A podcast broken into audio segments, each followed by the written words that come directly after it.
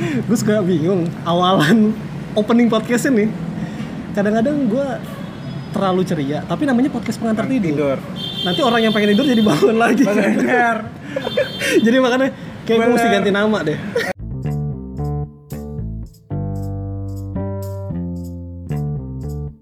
dan satu lagi hal yang gue pikirkan adalah lo ngajakin gue interview kan. Terus gue yang cengengesan hahaha gini. Terus orangnya kagak bisa tidur, nah itu dia kayak buruk dia. kayak gue mesti mesti ganti nama deh Banterin gue ketiduran banget coy. tapi sebelumnya eh, sorry banget nih tadi gue telat karena Apa-apa. eh, sampo gue habis di rumah Ih, enggak enggak jadi gini gue tuh punya sampo khusus sampo sampo khusus buat Hmm. eh, mencegah kebotakan aduh.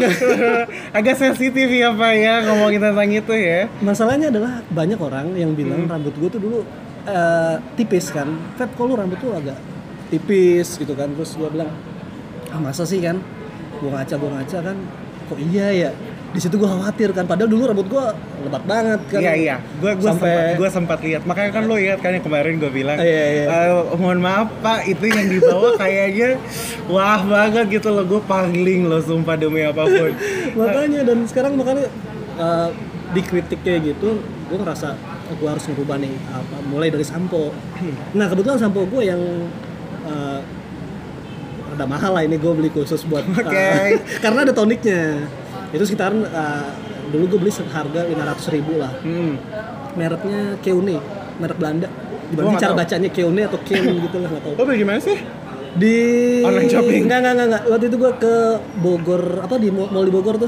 Pokoknya salah satu Botani sal- Square? Ya, di, Bo- di Botani Square gua beli. Uh, gue nyari-nyari ke salon-salon gitu kan. Ije, main sampai ke salon ya Pak ya, gila ya, jauh loh. Suara Febri main ke salon. Saking ininya, tapi gua waktu itu emang uh, karena gue malu untuk ke salon, ya gue ngundang atau ngajak teman gue yang cewek. Jadi seolah-olah gue nganterin dia, padahal gue yang butuh. Oke. Apa Kamu coba ada apa coba kalau cowok ke salon emang Iya apa sih, sih? iya sih, iya sih. Sebenarnya sekarang juga udah banyak ya. Ya sekarang mah udah banyak. Nah, nah ya udah terus akhirnya tadi gue beli dulu sampo jadi pakai sampo yang biasa dulu. Nah, eh, ya cuma gue kenapa ngundang lo karena kan lo juga Mengalami ya, hal yang sama. Mengalami hal yang sama. We are in the same page ya Pak. Tapi kayaknya emang di usia usia. gue, gue gue kayak gue lebih parah dia daripada lo. Ah, Gitu, karena kalau gue lihat sih lu sih masih ada ya. Lah, Gue enggak emang beneran tandus. hmm, itu penyebab tandus. lo, lo, lo pernah meng- bertanya-tanya nggak sih ini apa karena gue kayak pakai topi mulu karena kan katanya ada yang pakai topi mulu Hmm. atau justru lo pakai topi untuk menutupi itu gue pakai topi untuk menutupi kekurangan gue ini ya Ah, enggak ding gue nggak bilang ini adalah sebuah kekurangan Ah. sekarang ini I embrace myself dengan keadaan gue seperti ini gitu Hmm. awalnya kenapa sampai gue bisa mengalami hal seperti ini mengalami kebotakan jadi dulu itu gue sering banget ngecat rambut hmm. gue kan dulu pernah di Manado ya Hmm. dan nggak tahu kenapa di Manado itu kalau gue lihat orang-orangnya sering banget mereka gonta-ganti warna rambut. Oh, oke. Gitu dan gue terpancing lah. Pernah warna apa nih? Ungu. Biru pernah. Kayak ayam-ayaman SD nih. Serius bener. Biru pernah.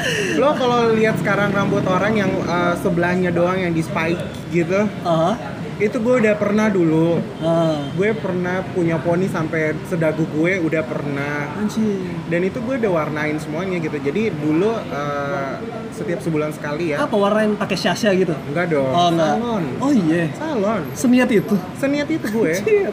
jadi uh, gue tuh warnain rambut itu di salon dan terakhir kali pas gue warnain itu memang gue udah merasa gitu kan kayak uh, rambut gue kenapa sekarang? Kalau gue tarik mau di tahu kan kalau lu keramas gitu. Iya, iya, iya. lu kan pernah gondrong kan coy dulu? Iya, iya, iya. Ya Terus kan gitu ya kan? Itu ada rontok gitu. Dan gue mikir ini kenapa sih rambut gue sampai segini gininya gitu. Nah Hmm. terakhir kali gue uh, rubah warna rambut gue waktu itu gue mau rubah warna rambut jadi silver gitu.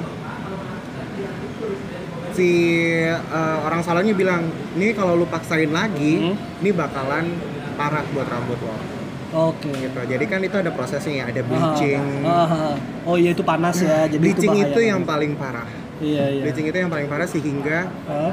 menyebabkan uh, gue seperti sekarang ini gue pernah juga sih nanya gue pengen warnain juga karena itu gue gue tuh tertarik pengen warnain rambut warna putih Ya. baru-baru ini ya setahun yang lalu lah cuma kata teman gue eh, oh enggak enggak gue justru konsultasi ke eh, salon juga Hmm. katanya eh, rambut gue ini Terlalu pendek. susah rada susah terlalu karena pendek. eh, karena kan ya tadi yang lu bilang panas kan pas apa bleaching ya Iya. dan itu malah takutnya malah nggak nggak berhasil gitu warnanya Iya. jadi kayak daripada nanti gua malah tambah ngerusak rambut lagi Bener, dengan kondisi bener, bener, ya udahlah kira gue sekarang mulai kayak ya itu beli beli sampo itu untuk mem- me- paling nggak me- Mengurangi. iya mengurangi dulu lah jangan sampai makin parah gitu dan sekarang gue kayak ngerasa kayaknya cukup ampuh sih meskipun nggak bikin lebat banget ya kan kalau dulu katanya ada sampo kuda tuh kayaknya gue rusak gara-gara sampo kuda tuh Gue pernah coba, lu jangan coba itu lagi. eh, coy kita bunuh Brelorai, coy. Hah? Oh iya, nggak apa-apa. kan namanya bukan sampo kuda. Oh iya ya. Oh iya benar benar benar. Tapi gambarnya doang, Gambar gambarnya sampo kuda. Oke. Iya benar. Iya, gue pernah coba sampo itu, tapi itu Ah. nggak berhasil sama sekali buat gue ya. Tetap aja gue mengalami hal seperti ini. Hmm. Ini ondel-ondel ya coy. Berisik ya pak, ondel-ondel ya. Yang lewat juga ondel-ondelnya. Kita lanjut. Ah, oke. Tadi tuh gue sempat nyari-nyari kan definisi kebotakan apa sih? Karena yang kita tahu kan botak itu ya tanpa kepala, eh tanpa kepala, tanpa rambut di kepala gitu. Tanpa kepala itu gimana ya pak? Mohon maaf. Nah, gue mencoba untuk mencari yang lebih ilmiah lah, biar kelihatan cerdas dikit podcastnya. Oke, baik. Oke, gua coba tadi kutip dari hellosehat.com nih. Jadi definisi kebotakan itu adalah uh, oh jadi nama nama lain dari kebotakan itu alopecia, Pak. Oke. Uh, jadi di mana kondisi di kondisi rambut yang rontok lebih banyak dari rambut yang tumbuh. Hmm. Dalam kondisi yang normal rata-rata rambut manusia bisa rontok 50 sampai 100 helai. Gila dihitungin ya? Namanya juga riset pak. iya sih. Nah, kebotakan terjadi apabila rambut rontok lebih dari 100 hal- helai per hari. Wih. Tergantung dari gejala penyakitnya, kebotakan dibagi menjadi tiga jenis. Dibagi tiga jenis, Pak. Kita lihat satu-satu. Gila ini. Luar biasa. Sebentar, mana nih tiga jenisnya nih? Alopecia areata. Rambut botak hanya pada titik-titik tertentu di kepala. Nanti Bapak identifikasi sendiri ya. Ya, Bagian mana? baik. Ini bapak jadi dokter masih prescriber buat gue atau gimana ya? Yang kedua, alopecia totalis, rambut botak lontos karena kerontokan merata pada semua kulit kepala. Oh, Oke, ini ini lebih rata. keseluruhan Lebih rata, ya, iya. lebih ridho ya. Lebih ridho ya daripada dia cuma titik-titik Iya, tertentu. iya. Oke. Yang ter- eh, terakhir alopecia universalis, kehilangan semua rambut di tubuh. Waduh. Ya ini itu sadis include ini dengan uh, Iya, apa namanya jenggot, bulu-bulu yang lain dengan ya. bulu-bulu yang lain ya. Uh, gitu, nggak hanya hidung ya. nggak hanya di terminalnya aja, halte-haltenya juga hilang, coy. Lu paham kan maksud gue? Iya, Terus kenapa kita berisik banget ini orang gak tidur, iya makanya. Maafin ya. Nah, terus gue juga ngelihat eh, eh, kita cari lagi yang lain ya, artikel dari liputan6.com. Ah, yang menyebut waspada 5 penyebab kebotakan pria di usia muda. Ah, kita banget nih. Atau Bapak udah tua? Enggak. Kita nggak tahu. Gue masih muda, coy. Oke. Stres. Nah, Bisa jadi, ah, bisa jadi. bisa di. Gue Ah. girit sama ini stres. Karena waktu itu gue mulai merasakan kebotakan itu pada saat gue usia 25 tahun. Ya, 25 tahun dan Seberapa beban lu sampai stres dan akhirnya mungkin lu Iya mungkin karena ke- kerjaan kali Oh. ya. Karena kerjaan itu sebenarnya uh, pada saat itu masanya bukan gue Mhm. gitu. Jadi gue dipaksa untuk mengerjakan suatu hal yang bukan di ranah gue Iya iya gitu. iya, iya. Dan memaksa gue untuk mengembangkannya sendiri. Jadi st- stres ya iya pasti gue stres. Apalagi uh, waktu itu gue di Manado kan. Mhm. Itu branch gue cuma satu di situ dan gue satu-satunya yang ada di situ. Hmm, Satu-satunya oke. di situ dan dan dan dan ya gitu. Apa-apa gue harus mikirin sendiri, apa-apa harus sendiri, segala macam harus sendiri. Ya benar juga sih, gua semenjak jadi wartawan ya mulai begini nih. Dan Hmm. itu kayaknya emang menyita waktu, menyita tenaga. Jadi kayaknya mungkin bisa jadi stres salah Ya. satunya ya, bisa ya. Gue Oke, agree kita agree ya. Oke, kita lanjut. Kurangnya nutrisi. Hmm, nutrisi Eh, apa pola- dulu nih? Jadi pola makan yang buruk mungkin penyebab Oh, sorry, pola makan yang buruk mungkin bukan penyebab dari kebotakan di usia muda, namun kurangnya nutrisi penting seperti protein, vitamin, dan Vitamin. mineral dapat menyebabkan kerontokan. Lo tipe orang yang eh, setiap kayak misalnya habis mandi lu pakai vitamin atau protein gitu nggak sih? Enggak. Kayak misal pakai apa? ya produk-produk Ya, yang ya, minyak ya. rambut gitu kan? Ya, Enggak gue ya? tahu. Ada eh, vitamin rambut Yeah, kayak gitu iya, kan, iya. toning, toning ah. rambut. Enggak sih. Enggak ya? Gue sampai selama ini nggak pernah menggunakan eh, bukan nggak pernah, pernah. Gue Mhm. pernah menggunakan vitamin rambut atau eh, kayak gue pernah konsultasi ke dokter juga. Mhm. Konsultasi ke dokter mengenai rambut gue ini, apakah masih ada eh, kesempatan kah supaya gue masih bisa mempunyai rambut ya gitu ya. Iya, iya. Katanya masih ada, cuman memang harus uh, treatmentnya itu spesial. Jadi Hmm. dulu ada kayak mm, nutrisi rambut gitu yang dikasih sama dokternya itu. Jadi sebelum gue mandi gue harus uh, olesin dulu di rambut gue itu, Yeah. tunggu 15 menit, habis itu gue keramas, habis itu pakai lagi itu dan segala macamnya. Dan menurut gue itu adalah ribet. Hmm. Gue nggak suka pakai gitu-gituan. Jadi menurut gue ya udah sampoan aja lah. Conditioner? Hah? Conditioner? Nggak pernah. Iya ya. Nggak pernah pakai conditioner. Ih conditioner buat apa sih? Iya. Kalau rambut lo panjang kayak dulu, Feb ya nggak Ah. apa-apa. Lah gue kapan Iya, panjangnya? Gue bahkan dulu panjang nggak pernah pakai conditioner. Gue baru tahu ada jadi uh, di sam eh di mana di yang sampai yang gue beli Ah. dia tuh mengharuskan pakai conditioner Ya. sebenarnya. Karena Ah. ada beberapa shampoo yang uh, ingredientsnya itu, Mhm. ingredientsnya itu yang memang hanya fokus untuk membersihkan, Hmm. menghilangkan, tapi dia nggak merawatnya, gitu. Hmm. Makanya harus dibeli Conditioner itu untuk merawat. conditioner itu karena conditioner itu ada kandungan semacam kayak apa ya? Gue lupa kandungannya apa. Hmm. Jadi itu fungsinya untuk melembutkan rambut lo. Oke. ya mengembalikan kelembaban di dalam rambut lo itu supaya rambut lo itu nggak nggak nggak rusak gitu ceritanya Oke, lanjut kita ke yang ketiga perubahan hormon. Gue Iya. ngerti nih, gue gak ngerti. Maksudnya gimana nih perubahan, perubahan hormon? ini biasanya kayak eh, wanita hamil. Oh, ya wanita hamil itu biasa Bisa juga mengalami ya? ya atau pada saat menggunakan KB itu juga pengaruh. Kalau untuk pria? Kalau pria perubahan Lebih hormon ya apa? pastilah. Kayak maksudnya uh, mungkin dia dari apa akil balik gitu nggak sih? Bisa Iya, jadi ya? benar bisa ya? atau enggak lu lihat sekarang aja eh, bapak-bapak Aha. yang sebelum dia menikah rambutnya itu bagus banget Hmm. masih ada rambutnya tapi perlahan-lahan Oh, setelah umurnya longsor iya 40 tahun 50 tahun itu akan menghilang gitu akan Oke. ada terjadi kerontokan makanya kalau lo lihat bapak-bapak yang masih rambutnya masih ada dan Oke. masih lebat itu ya berarti Hmm. sebenarnya sih nggak terlalu terjadi perubahan hormon tapi ya hormon itu sangat berpengaruh Oke, menarik. Yang keempat, merokok. iya Setuju nggak lo? benar benar benar Masa? Tapi banyak kan kayak rockstar rockstar dia gondrong-gondrong tapi nggak botak. Gue bingung. nggak tahu ya Hah? itu juga mungkin ada ke- eh, bisa dibilang eh, Gen. gen keturunan bisa Iya sih, jadi keturunan bisa sih. kalau keturunan lo memang tidak ada sama sekali dengan uh, tidak ada masalah sama sekali dengan yang kerontokan ya sebenarnya sih lo nggak usah takut Hmm. cuman kalau lo mengingat uh, bokap lo mungkin ada ada seperti itu Iya, iya. kakek lo atau om om lo mungkin juga ada yang mengalami masalah-masalah kayak gitu ya Hmm. sooner or later juga lo akan mengalami hal yang sama Iya sih. Tapi kayaknya enggak sih bokap gue enggak sih sampai sekarang. Enggak enggak botak gitu maksudnya. Enggak, kayaknya lu- mungkin lu- lebih lebih ke stres kali gue ya kayaknya ya. Kerjaan lo berat soalnya pak berat banget Makanya. Aduh, terakhir, fak ah ini nih yang tadi kita omongin, faktor genetik ternyata mempengaruhi. faktor genetik Iya. itu berpengaruh Iya dan dan setuju salah satu mungkin kenapa gue mengalami hal kebotakan ini karena faktor genetik Oh gitu. Bokap Ya. lo Bokap juga gue. ngalamin sama. Gak cuma bokap gue sih, seluruh eh, saudara-saudara bokap gue mengalami hal sama. Oh. Mau yang perempuan ataupun yang laki-laki tetap mengalami hal yang sama. Ma- Masalahnya itu adalah kebotakan.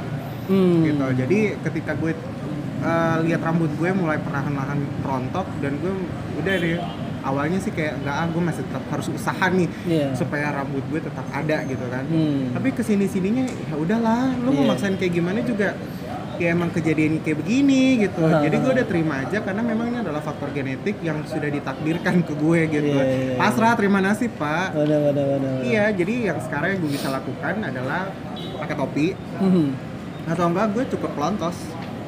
Oh iya sih benar. Rata-rata kayaknya yang cukup lontos solusi itu ya. Maksudnya untuk kayak gitu. uh, nggak ribet pakai topi juga dia dan tapi ada juga orang yang nggak pantas loh. Kayak kalau gua karena pala gua tuh kecil ya, jadi kayak rada aneh.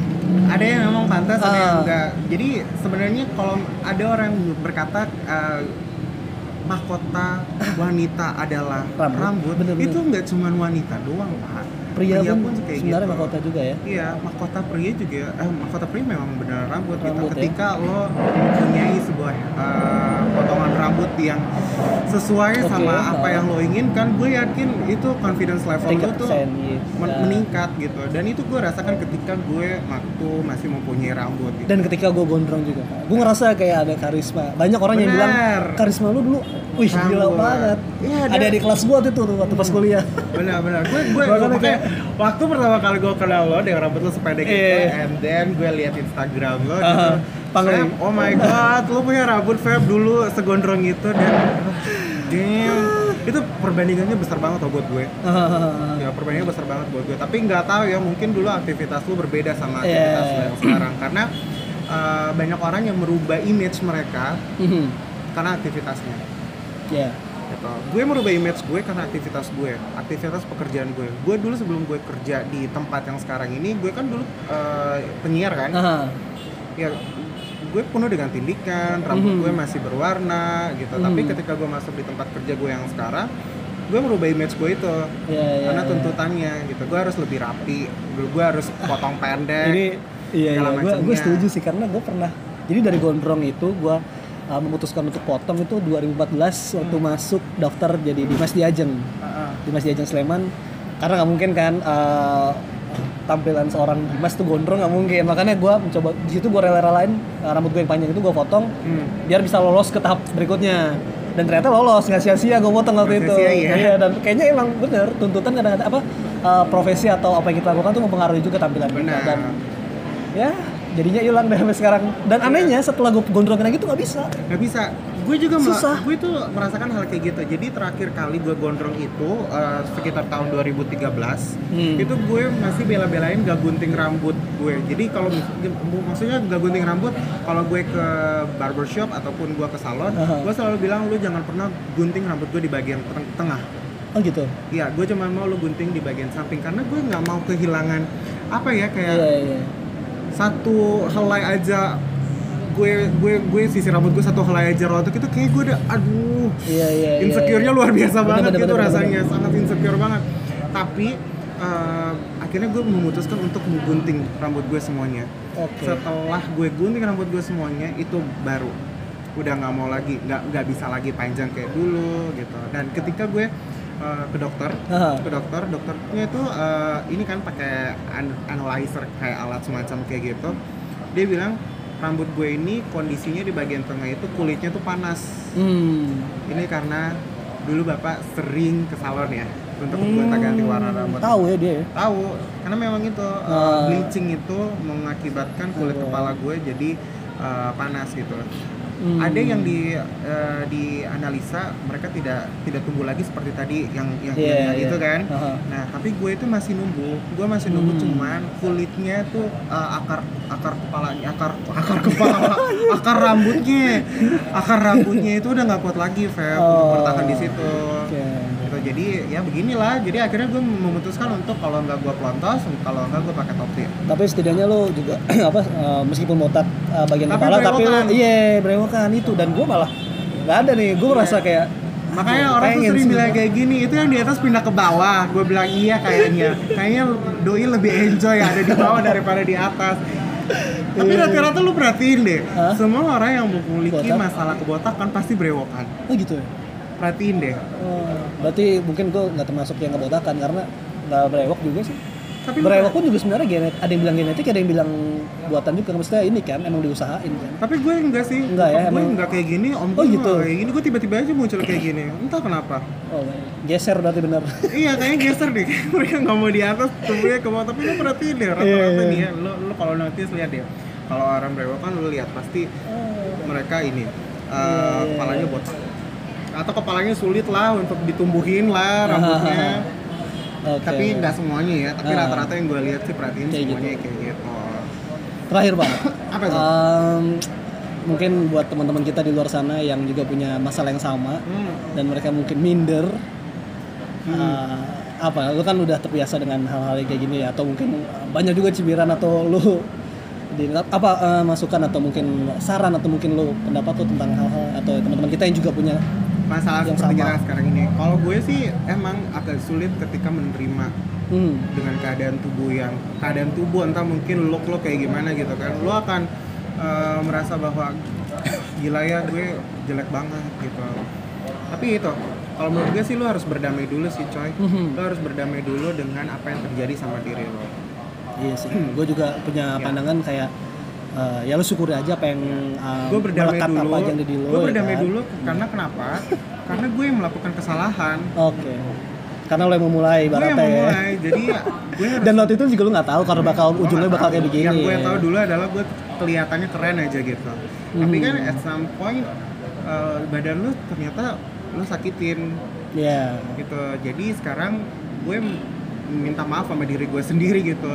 Berat ya coy ya, tapi Berat. memang memang begitu coy. Iya, iya, Serius, iya, iya. gue gue minta maaf sama diri gue sendiri. Oke, sekarang gue lebih mencintai diri gue sendiri seperti apa adanya gitu. Oke, kalau sekarang gue nggak bisa tumbuh rambut lagi, ya udah. Sekarang gue mau dikenalnya seperti ini, gitu.